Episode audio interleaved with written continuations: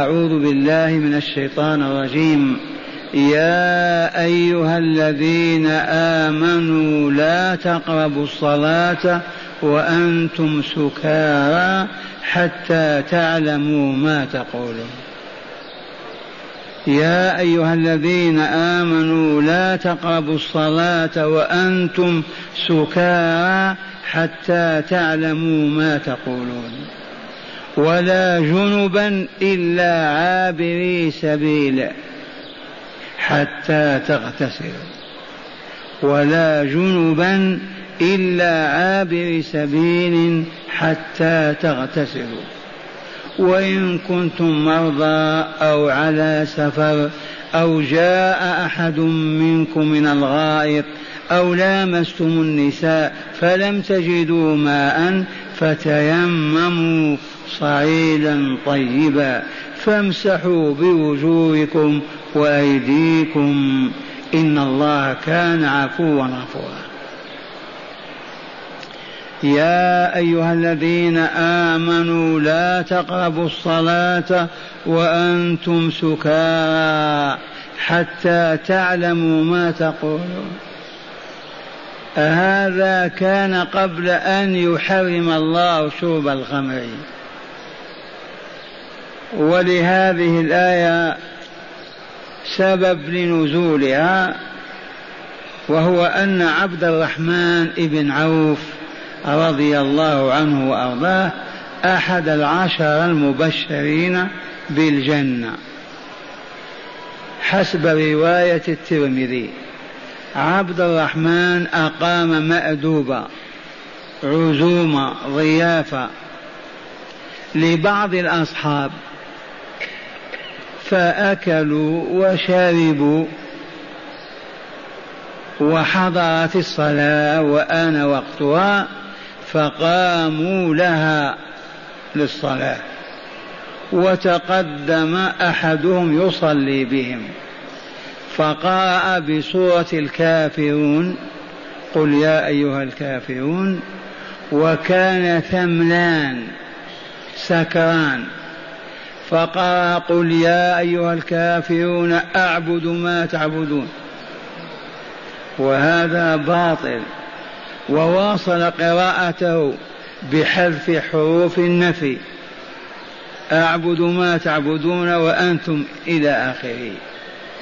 قال فنزلت يا أيها الذين آمنوا لا تقربوا الصلاة وأنتم سكارى حتى تعلموا ما تقولون حتى تزول السكرة والثمل وتصبحون واعين على ما تقولون وتقرؤون. اذكروا أن آية سورة النحل وهي قول الله تعالى ومن ثمرات النخيل والأعناب تتخذون منه سكرا ورزقا حسنا. فهذه فيها منة الله على الناس بأن أوجد لهم ثمار النخيل والأعناب.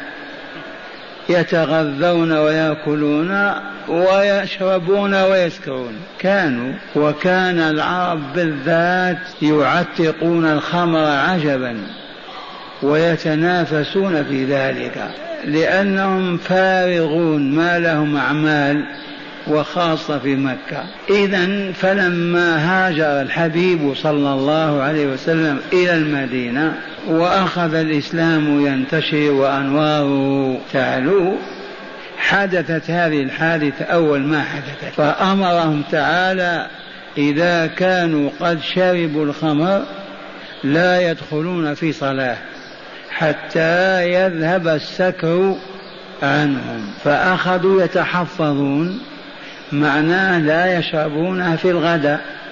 إذ يجي صلاة الظهر لا يشربونها إذا بعد المغرب. إذ صلاة العشاء فكانوا يشربونها بالليل وأحدثت اضطرابا وأخذت التساؤلات. فأتوا النبي صلى الله عليه وسلم فسألوه كما أخبر تعالى بذلك في قوله من سورة البقرة.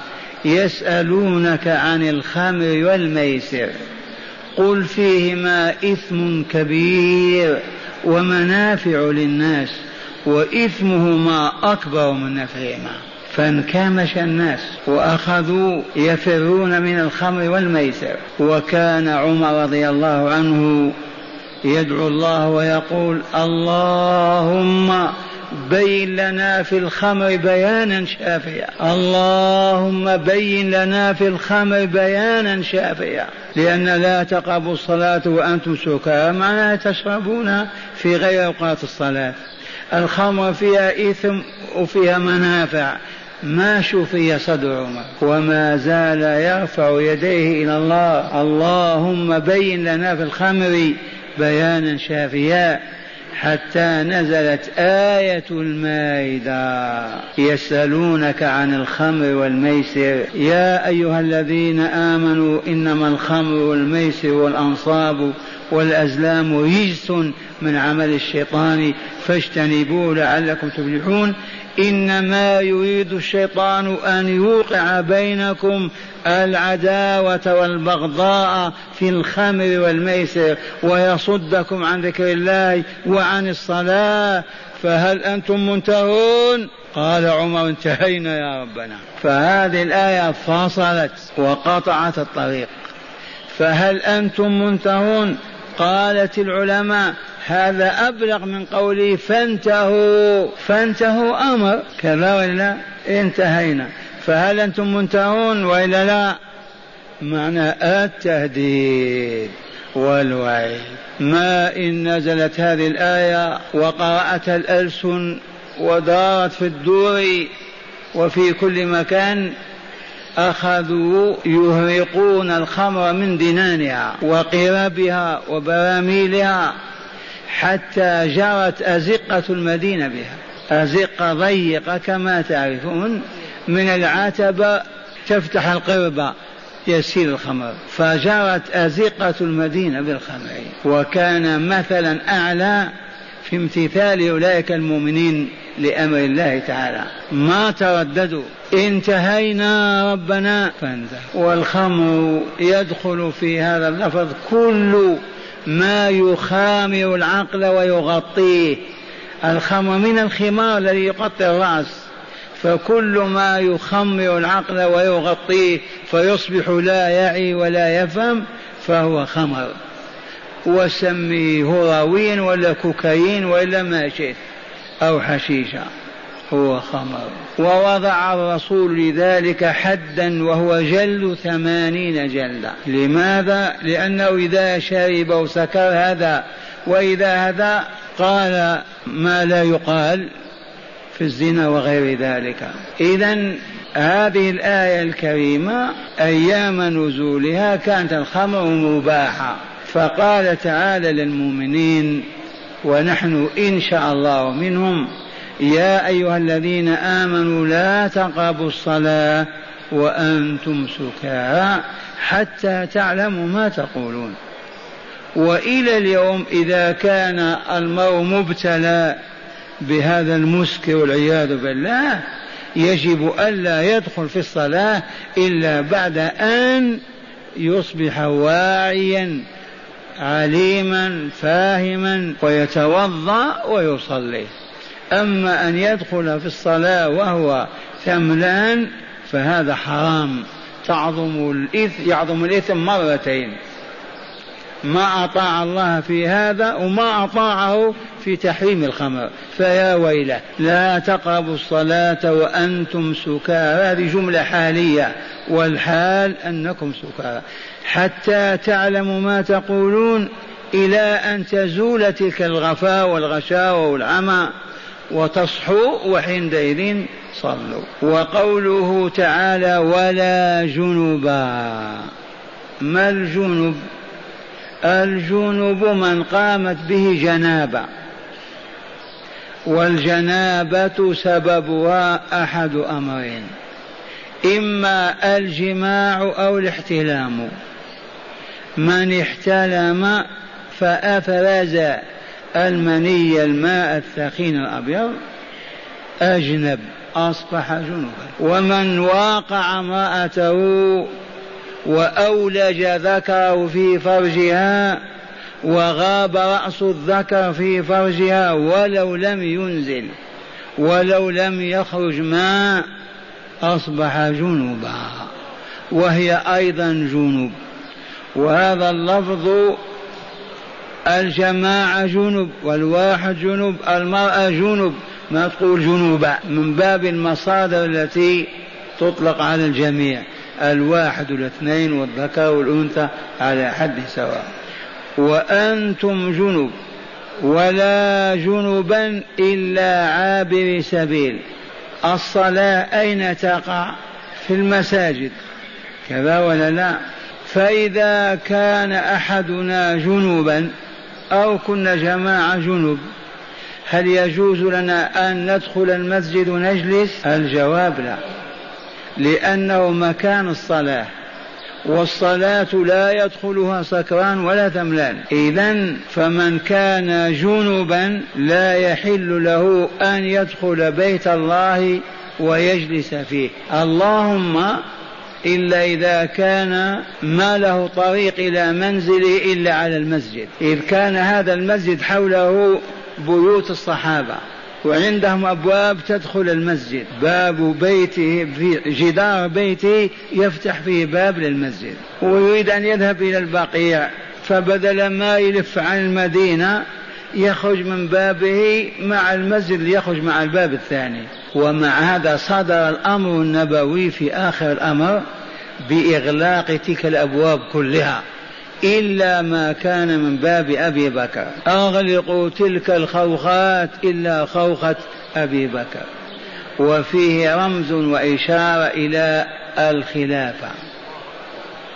باب الرسول الحجرة مفتوح وباب أبو بكر مفتوح. الرسول شمال شرق وأبو بكر غرب.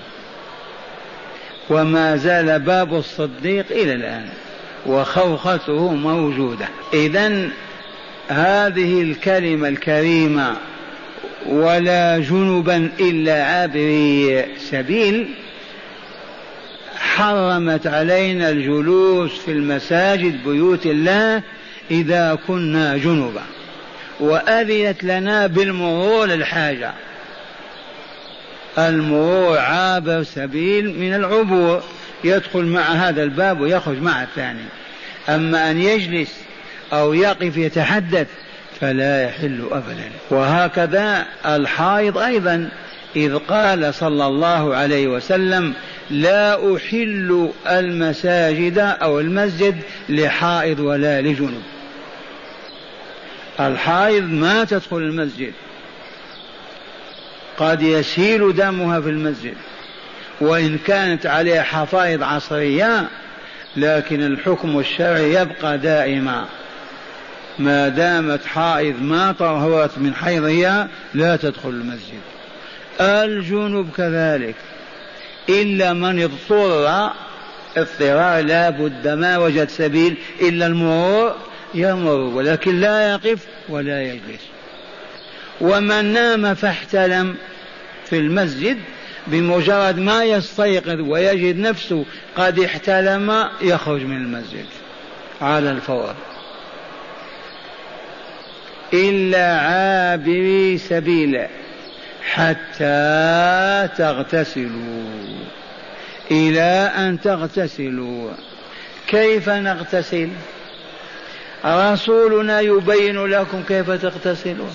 هذه الآية مجملة. فالذين يسمون بالقرآنيين لا يريدون السنة أبدا. كيف يغتسلون؟ الله قال حتى تغتسلوا. ووكل أمر كيفية الاغتسال إلى رسوله ليبين لنا كيف نغتسل. كيف نغتسل؟ اسمعوا. بين لنا رسول الله صلى الله عليه وسلم كيفية الاغتسال. احفظوا. يا جنب. إن جلست إلى الماء إنوي رفع الحدث الأكبر. إنوي رفع هذه الجنابة والتطهر منها. لا بد من إرادة قلبية أنك تريد أن تغتسل لأمر الله بذلك. هذه النية شرط في صحة الاغتسال. لو تدخل تسبح في البحر سبع ساعات وتخرج بدون ما قصدت الاغتسال والله لأنت جنب. إذا لما تجلس قل بسم الله إن كنت في غير مرحاض حمام واغسل كفيك ثلاث مرات. واستنجي. الاستنجاء قطع الأذى في الفرجين. أي اغسل ذكر ذكرك ودبرك. وهما الفرجان. والمؤمنة تغسل أيضا فرجها ودبرها. واغسل ما حولهما. بنظافة. فرغت إن عندك صابون اغسل يديك بالصابون. ما عندك كما كان رسول ما عنده حك كفك على الأرض أو الجدار لتذهب آثار الرائحة الكريهة من البول والعذرة. الآن الصابون متوفر. اغسل كفيك بالصابون. بعد ذلك هيا توضأ وضوء الصلاة. اغسل كفيك ثلاثا تمضمض ثلاثا استنشق واستنثر ثلاثا اغسل وجهك ثلاثا اغسل يديك إلى المرفقين ثلاثة امسح برأسك وأذنيك مرة واحدة اغسل رجليك. هنا. إذا كنت في أرض غير طاهرة طين تراب لا بأس أن تؤخر رجليك أي قدميك. لأنك إذا غسلتهما ثم جلس تغتسل يتلطخان بالطين والتراب والماء قليل. عرفتم؟ لا بأس أن تؤخر غسل رجليك. ما المراد من الرجلين القدمين. وإن غسلتهما فذاك. هذا الوضوء توضأته. حينئذ بل أصابعك أو أفرغ الماء على كفيك وخلل أصول شعرك سواء كان لك شعر أو كان لا شعر. المهم حتى البشرة تستأنس بالبلل ولا يضرها الماء إذا صببت على رأسك الماء. فتصاب بالزكام دي تعاليم الطبيب الأول صلى الله عليه وسلم. فإذا خللت أصول الشعر واستأنست البشرة خذ غرفة بكفيك. وصبها على الجهة اليمنى وادلك كل رأسك بتلك الحفنة. زيد ثانية وضعها على الجهة اليسرى وعمم بها كامل الرأس. خذ الثالثة وضعها في وسط رأسك واغسل بها كل رأسك ومن ذلك الأذنين ظاهرا وباطنا. الآن ننتقل إلى باقي الجسم. اغسل جنبك الأيمن من أذنك من رأسك إلى قدمك. وأنت تغسل تتبع أماكن ينبو الماء عنها كالإبط تبعت كالرفق كالكا تحت الكعبين لأن كل شعرة تحتها جنابة. فرغت من هذه الجهة اليمنى إلى اليسرى. تغسل من أذنك من رأسك إلى قدمك. وظهرك تصب الماء وتغسل بيديك. ما استطعت. هذا هو الغسل الذي علمنا رسول الله. بينه وكانت أم المؤمنين تبينه. هذا الغسل دخل الوضوء في الغسل. تبعتم ما هناك حاجة إلى أن تتوضأ مرة أخرى. اللهم إلا إذا انتقض وضوءك فسوت أو ضربت أو مسست ذكرك بكفك وأنت تغسل. انتقض الوضوء وإلا لا لما تفرق وتريد أن تلبس ملابسك توضأ للصلاة. فإن أنت ما انتقض وضوءك لا بفسا ولا بضواط ولا بخارج من القبول أو الدبور ولا مسست ذكرك بكفك وأنت تدلك وتغتسل فوضوءك هو الصحيح ولا تعيده أبدا. هل فهمتم الغسل؟ أعيد مرة ثانية. يا من أجنبت أجنبت بما احتلمت البارحة أو جامعت أهلك. الجماع لا بد وأن يخفى رأس الذكر في الفرج. ومنه إذا التقى الختانان فقد وجب الغسل. أما إذا كان ما غاب الرأس فلا غسل إلا إذا تدفق الماء. إذا اغتسل كيف تغتسل؟ أولا اعلم أنه لا يحل لك أن تدخل المسجد وتقوم فيه وأنت جنوب. لا يحل لك أن تقرأ كلام الله لا آية ولا آيتين ولا أكثر ولا أقل وأنت جنوب. لا يحل لك أن تمس كتاب الله بيدك وأنت جنوب. لا يحل أن تطوف ببيت الله وأنت جنوب. يجوز فقط الذكر. والاستغفار والدعاء. أما تلاوة كتاب الله لا آية ولا أكثر. أما مس المصحف فلا ولا طواف. إذا لأنه جنب حتى يغتسل. كم ساعة هو وظروفه؟ فما هو الغسل؟ في شك لا يحل للجنب أن يقرأ آية من كتاب الله بالإجماع. ذاك المحدث حدث وضوء ما هو متوضي يقرأ القرآن كله غيبا لكن ما يقرأ في المصحف. كلامنا على من أحدث حدث أكبر ولا أصغر. إذا الحدثان منهما حدث أكبر والثاني أصغر. ما هو الأكبر؟ الجنابة. وما هو الأصغر؟ الوضوء. إذا اجلس عند الماء.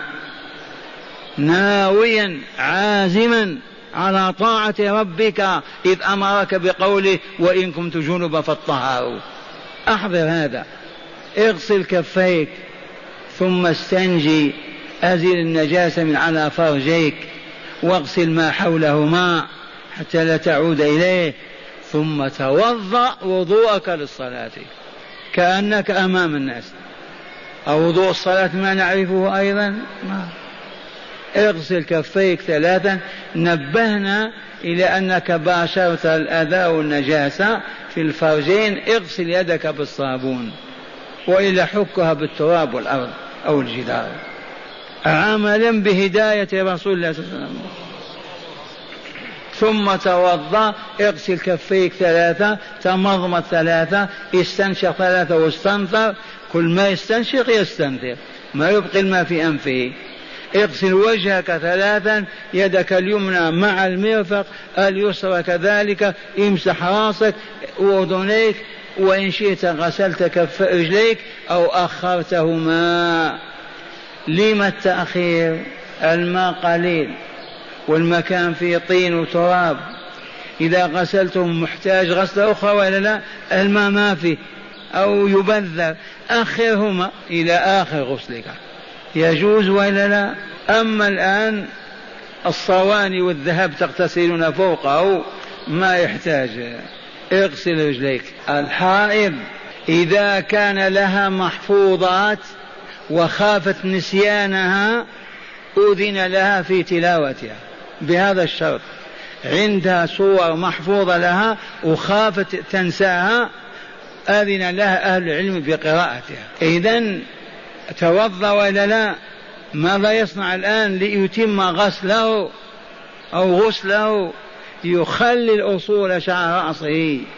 وإن كانت امرأة تجمع شعرها كاملا وتخلخله وتخضخضه حتى يدخل الماء. ثم تأخذ الحفنة الأولى وتغسل بها كل رأسك. تضحى من الجهة اليمنى. تأخذ الثانية من الجهة اليسرى الثالثة من الوسط وكل حفنة تغسل بها عامة الرأس والأذنين معه. الآن بقي البدن ولا لا؟ اغسل يمينك إلى قدمك وشمالك أو يسارك إلى الظاهر والباطن على حد سواء. ولا تبقي لمعة بدون غسل.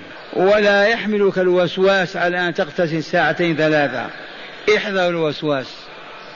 توكلوا على الله. غسلت ما نلتفت إليه. في بعض الناس يبكي حتى يغتسل. هذا معنى قوله وإن كنتم جنبا فاطهروا. قال تعالى يا أيها الذين آمنوا لا تقربوا الصلاة وأماكنها ومواطنها المساجد. وأنتم سكارى حتى تعلموا ما تقولون. ولا جنبا إلا عابري سبيل حتى تغتسلوا. وإن كنتم مرضى والمرضى جمع مريض من به علة تمنعه من الغسل. جراحات آلام عجز كامل ما يستطيع يغتسل. وإن كنتم مرضى أو على سفر أي مسافرين. لأن السفر في الغالب يفقد صاحبه الماء. أيام كنا نسافر أربعين يوم تحمل الماء في قربة لشرابك وطعامك كيف تتوضأ بها؟ إذا السفر كان مظنة انعدام الماء. ولا نلتفت إلى من قال السفر مبيح للتيمم ولو كان الماء معه. هذا أخذ بظاهر اللفظ ونسي الفقه. تبهتم يوجد من الفقهاء من يقول السفر مبيح للتيمم. والصحيح لا لأن الرسول صلى الله عليه وسلم سافر وأصحابه سافروا عشرات المرات وكانوا يتوضؤون. وإنما ذكر السفر لأن الغالب في المسافر ما يجد الماء. أيام كنا نسافر على البهائم وعلى أرجلنا. وإن كنتم مرضى أو على سفر أو جاء أحد منكم من الغائط. ما الغائط هذا الذي يجيء منه؟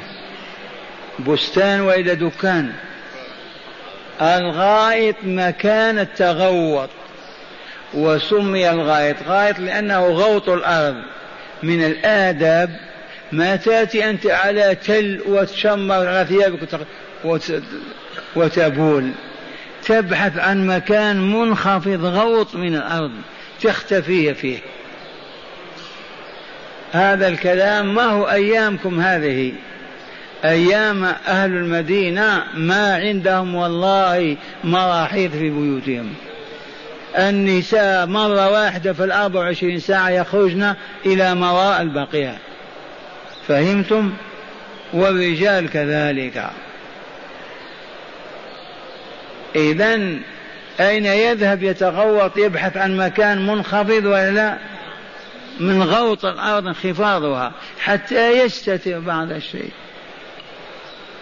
فعبر أو جاء أحدكم من الغائط ماذا كان يفعل في الغائط؟ كان يتبول أو يتغوط. يقال تغوط أيضا لأنه فعل ما فعل في الغوط. في الغائط ولسمو كلام الله وعلوه ما يأتي بعبارة تشمئز منها النفوس أو تتألم أو جاء أحد منكم من الغائط ما قال من البول أو القرع ثانيا أو لامستم النساء. أو لامستم النساء يعني أن من جامع امرأته عرفتم؟ وجب عليه الغسل ولا لا أو لامسها ليتلذذ باللمس انتقض وضوءه ولا لا ثم لم تجدوا ماء فماذا تصنعون؟ فتيمموا. هنا اختلف بعض أهل العلم في قوله أو لامستم النساء هل هو الجماع وإلا اللمس. فكان ابن عباس رضي الله عنه لما يقول له التلاميذ المراد من الملامسة هنا المس باليد. فيغلق أذنيه بأصبعيه ويقول إنه الجماع. المراد من الملامسة هنا الجماع. في عبارة أخرى نستحي أن ننطق بها. كان ابن عباس يقولها والعوام عندنا يقولونها. تبهتم ما يريد يسمع هذه اللفظة فيغلق أذنيه ويتكلم حتى يعلم السائل. ما يريد أن يسمع هذه الكلمة الفاحشة. أو لامستم النساء أي جامعتموهن. أما لمس المرأة ينقض الوضوء عرفتم ما يوجب الغسل؟ ينقض الوضوء. وهناك مسألة لطيفة إذا أمكنكم فهمها وحفظها. يقولون إن قصد اللذة فلمس لأجل يتلذذ بطل وضوءه وجد اللذة أو لم يجد. لأنه قصد. قصد ولم يجد. بطل وضوءه. ما قصد اللذة ولكن لما لمس وجد انتقض وضوءه. لم يقصد ولم يجد لم ينتقض. وضوءه ما قصد اللذة ولا أرادها ولا وجدها. كيف ينتقض وضوءه؟ ما ينتقض أبدا. لكن إذا قصدها وأرادها انتقض وضوءه ولو لم يجدها. ما أرادها ولا إذا نقض وضوءه. ما أراد ولكن لما لمس جاءت وحصل الانتعاش الباطني. يبقى الوضوء ولا يذوب يذوب. متى يجب الوضوء من إذا قصد ووجد. ثباتم وجد ولم يقصد. ولا يجد يجب عليه الوضوء إذا لم يقصد ولم يجد. وهنا أو لامستم النساء يراد به الجماع. لأن الكلام على ماذا؟ على الجنابة ولا لا؟ أما نواقض الوضوء ستأتي في سورة المائدة. قال فلم تجدوا ماء تغتسلون به فتيمموا صعيدا طيبا. الصعيد ما صعد على الأرض. وهنا ندعو دائما للاجتماع وننهى عن الفرقة من أهل العلم من يقول لا يصح التيمم إلا بالتراب. ثباتم ومنهم من يقول كل ما على الأرض صعد عليها تيمم. عليه. ونحن نقول إن وجدت التراب ففضله وآثره. وإن لم تجد إلا صخور حجارة حصى رمال تيمم. فهمتم؟ ولا تقول أنا مذهبي كذا. الأفضل أن تتيمم على التراب فإن لم تجده الأرض كلها سبخة أو رمال أو كذا ما تتيمم لأنك ما وجدت التراب؟ ومع أن اللفظ واضح صريح الصعيد ما صعد على الأرض من وجهها. فتيمموا صعيدا طيبا. وهل الصعيد الطيب بمعنى يؤكل؟ الطيب هنا الطاهر النقي. انتبهتم؟ لا بد أن تكون أن يكون التراب نقيا فإن كان في التراب مكان بول وإلا عذرة جافة. يجوز؟ ما يجوز. لأنك تمسح وجهك الطاهر فكيف تمسحه بتراب نجس أو تتأذى به؟ هذا من رحمة الله وإلا لا؟ صعيدا طيبا. أي طاهرا نقيا. كيف نمسح؟ قال فامسحوا بوجوهكم وأيديكم. إذا كيفية التيمم؟ لها صورتان عن الصحابة والرسول وإلى اليوم. ولا نقول مالك ولا حنبلي.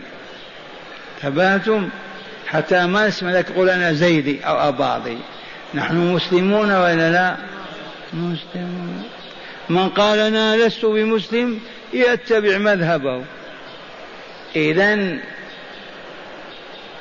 عمار بن ياسر رضي الله عنه تعرفون عنه عمار تقتلك الفئة الباغية. كان في غزوة مع أصحابه مع عمرو بن العاص فاحتلم. فقام أخونا يتمرق في التراب. لأنها جنابة كيف يزيلها نزع ثيابه وتمرق في التراب كالحمار. وارد هذه اللفظة بعض الطلبة قال ليش الشيخ يقول الصحابي حمار؟ أنا قلت حمار. يتمرق كما يتمرق. ما تعرفون الحمار كيف يتقلب؟ لكن جهلنا وقلوبنا المريضة وجدوا تشنيع الليلة. فأنكر عليه عمرو بن العاص قالوا ما هكذا التيمم. إذا فأتى يا رسول الله صلى الله عليه وسلم. وقص عليه قصته. فقال له صلى الله عليه وسلم إنما يكفيك يا عمار أن تقول هكذا وهكذا. يكفي. هذا التيمم والله لمجزئ وكافي. وكان ابن عمر يمسح هكذا يضرب الأرض ويمسح وجهه. والثانية ويمسح كفيه ذراعيه إلى المرفقين ومن فعل هذا حسن لا ننكر عليه. ومن اكتفى بما اكتفى به رسول الله فهو من باب أولى. لأن هذا الذين يلبسون الثياب في الشتاء صعبة يريد يتيمم ينزع كل شيء حتى يتيمم. ما تكلف نفسك يا عبد الله. أضرب الأرض بسم الله. ولا تقل هكذا ولا هكذا ما فيه ماء ثبات ولا كل ما في الأمر. لنبقى دائما على أن الطهارة من من شيمنا. ما وجدنا الماء عجزنا عن استعماله ماذا نصنع؟ لا بد وأن نعلن لله أننا عاجزون. ولذا ها على التراب. فهمتم؟ ليبقى شعارنا دائما الطهارة عجزنا لمرض أو انعدام الماء ما نصلي هكذا. إذا نضرب الأرض بكف بأكفنا نمسح وجوهنا ونمسح كفينا. وضربة واحدة كافية أيضا.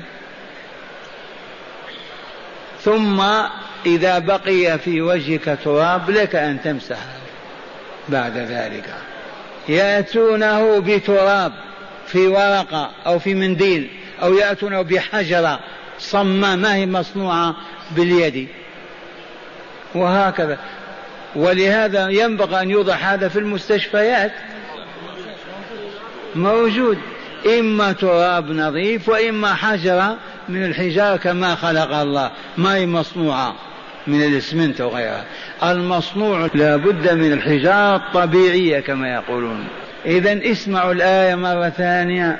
يا أيها الذين آمنوا لا تقربوا الصلاة وأنتم سكارى حتى تعلموا ما حتى تصحوا حتى تعلموا ما تقولون.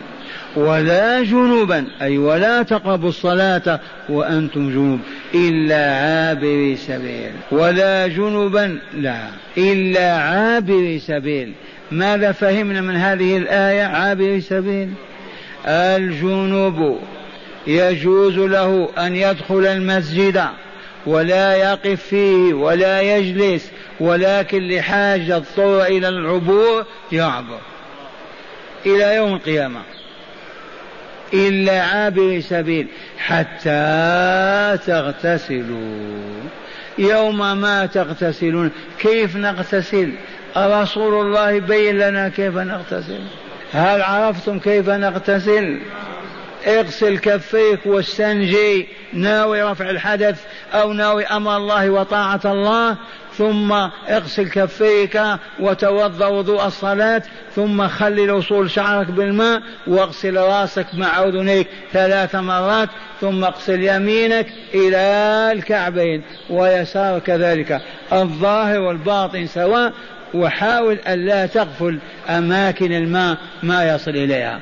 تعهد كالصرة بعض الناس صورتهم فيها خبايا. فلا بد أن يتعهدها إي نعم. أما التيمم متى تتيمم؟ إذا لم تجد الماء أو وجدت قليلا ما يكفيك لطعامك وشرابك وأنت مسافر. أو كنت مريضا ولا تستطيع أن تستعمل الماء لجراحاتك وآلامك أو لعجزك عن تناوله واغتسال به ماذا تصنع؟ البديل هو التيمم. والتيمم معناه أن تقصد الأرض الصالحة الطاهرة وتمسح وجهك وكفيك فتيمموا اقصدوا صعيدا طيبا. قال من هداية الآية الكريمة تقرير مبدأ النسخ للأحكام الشرعية في القرآن. في النسخ ولا لا؟ من لا يقول بالنسخ خرج عن أمة الإسلام. ثبات أول من كذب بالنسخ وكذبهم الله اليهود ويوجد الآن من الفرق الضالة من يقول لا نسخ حرمة مكث الإنسان في المسجد وجواز العبور والاجتياز. حرمة إي نعم. حرمة مكث الجنب في المسجد وجواز العبور والاجتياز بدون مقام. ثالثا وجوب الغسل أو وجوب الغسل على الجنب وهو من قامت به جنابة بأن احتلم فرأى الماء أو جامع أهله فأولج ذكره في فرج امرأته ولو لم ينزل ماء. وكيفية الغسل أن يغسل كفيه ثلاثا بسم الله ناويا رفع الحدث الأكبر ثم يستنجي فيغسل فرجيه وما حولهما ثم يتوضأ فيغسل كفيه ثلاثا ثم يتمضمض ويستنشق ويستنثر ثلاثا ثم يغسل وجهه ويديه إلى المرفقين ويمسح برأسه وأذنيه مرة واحدة ثم يغسل رجليه إلى الكعبين.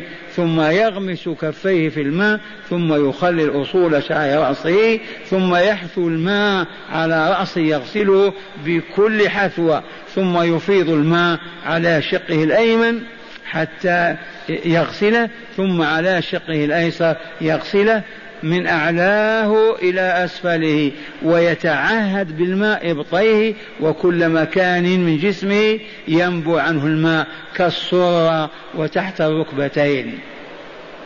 رابعا إذا لم يجد الماء التراب لمطر ونحوه تيمم بكل أجزاء الأرض من رمل وسبخة وحجارة. والتيمم هو أن يضرب بكفيه الأرض ثم يمسح وجهه وكفيه بهما لحديث عمار رضي الله عنه في الصحيح. خامسا بيان عفو الله وغفرانه لعدم مواخذة من صلى وهم سكارى.